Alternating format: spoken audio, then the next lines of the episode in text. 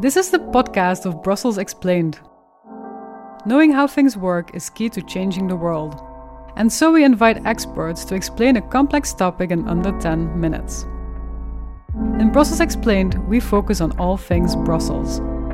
In this edition, you'll hear Siska Hoet talk about female nudity in Brussels museums.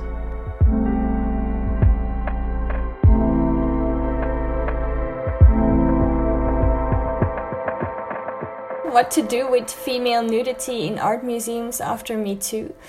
Um, because as we all know, it seems that uh, after Me Too, a lot of things we might have taken for granted or thought were normal before um, are now questioned or scrutinized. Um, and this also happened with many classical Western artworks, uh, famous museum collections, and with artists. Um, Western art history is criticized for being a reflection of patriarchy, with a lot of male artists uh, depicting women according to the male gaze, uh, which means um, as an object of their male desire, being beautiful, naked, and so on.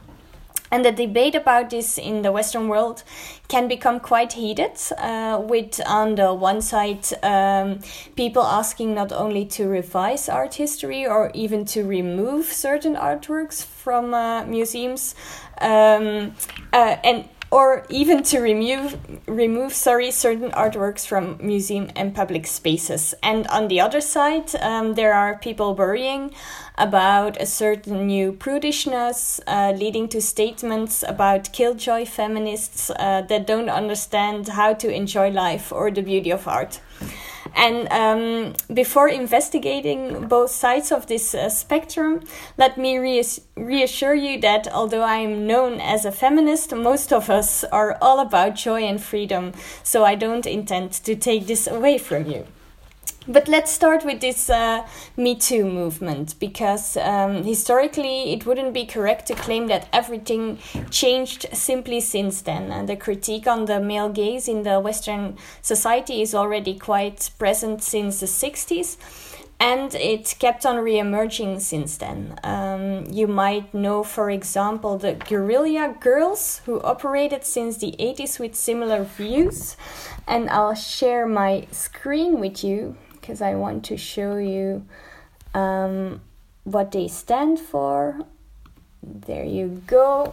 So they're known for these uh, posters they made um, saying that. Uh, um, a lot of uh, artists um, are male in museums, and a lot of uh, the people depicted are uh, female nudes and the percentages change, but they don't change a lot uh, over the years. And this uh, anonymous collective of uh, female artists um, are known for their gorilla masks, which uh, sounds a bit like guerrilla. Have been uh, and they have been counting and analyzing collections in a lot of highly regarded museums in the United States, coming to al always these kind of conclusions and criticizing them.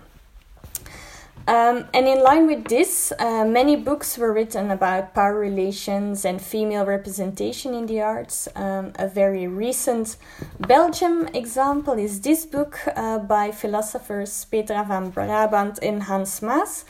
And they wrote on the parallels between art and pornography. And um, as an example today, I want to show you some of the differences they point out between between two paintings. Um, about uh, Susanna and the elderly. Um, this is a very often painted theme about the married and pious but beautiful Susanna, who catches two older men spying on her when she washes herself. Um, and they blackmail her uh, by demanding her to sleep with them. If she doesn't do this, they will accuse her of being unfaithful, which was back then punished with the death sentence. So this is actually a very violent story. And in the 16th century, Tintoretto depicts it like this, what you're seeing uh, here. And on the other hand, there is Artemisia Gentileschi, and she paints, paints Susanna in this way in the beginnings of the 17th century. What's the difference? Well, in Tintoretto's work, all eyes are on Susanna's body.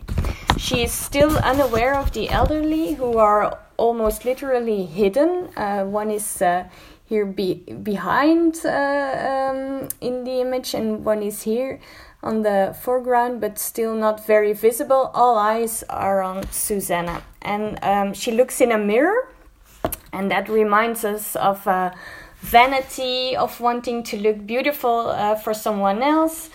Um, and more importantly, you can see that see that she's uh, perfectly calm. Uh, here you can enjoy her beautiful, relaxed body, uh, just like uh, the dirt, the two dirty old men are doing. Uh, you might even say that as a spectator, you can become an accomplice or you become one of them. Gentileschi, on the other hand, shows the violence of the act the men uh, they are much more uh, in the picture. They look evil. Um, Susan- susanna's face and body they aren't calm. Uh, you can see she's distressed trying to hold them off. Um, and here the viewer empathizes with her and her fear. So why am I showing this? Um, because this comparison is symbolic for the core of the critique on female nudity in Western art. Um, most of the feminist art critics aren't in favor of blunt censorship. Um, nor are they asking to remove works of art. Uh, it happens, but it doesn't happen all the time. Um, uh, what we do see in the last decades when it comes to feminist critique on art, um, and what certainly is reinfor- reinforced by movements like Me Too, is that the demand to question and maybe reframe certain images is becoming more and more dominant in public debates. Why are they criticizing um, uh, this, or why do they want to reframe or or uh, ask more questions about these these female images. We are used to applaud the painter for his excellence and the beauty of his work, but not to question what he paints and why.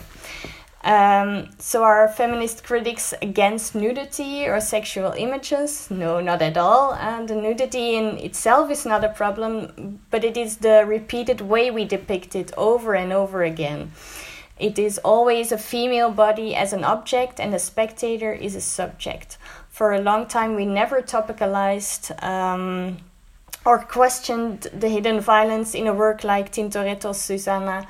Uh, nor the passiveness of all those naked women we are uh, who are looked at by men. It is never about what they do or what they stand for or who they are. It is always just about their bodies. So, what happens uh, is that Western art mirrors societal structures, power relations, and popular views on, femini- on femininity and masculinity. Of women is expected to be beautiful and to let men enjoy their bodies, and men are expected to be in charge, to hunt, and to be power- powerful. And these cliches are harmful in that sense that they deny us, men, women, and everything in between, to imagine a world where a lot more is possible and we can be and do what fits us and not is what expected of, of us according to our gender. Moreover, um, these cliches also represent power relations in the art world since women artists are up until today struggling more than their male colleagues for their careers and making a lot less money. Luckily, we see that more and more museums are rediscovering female artists and making room for them in their collections. Um, and re- revising and reframing collections is an important step in the right direction, I think. And no, to be sure, this doesn't mean we, that we have to simply condemn or dismiss all artworks that depart from a male gaze. But I do think it is important to stimulate the debate about this and to develop a critical feminist view and analysis on this.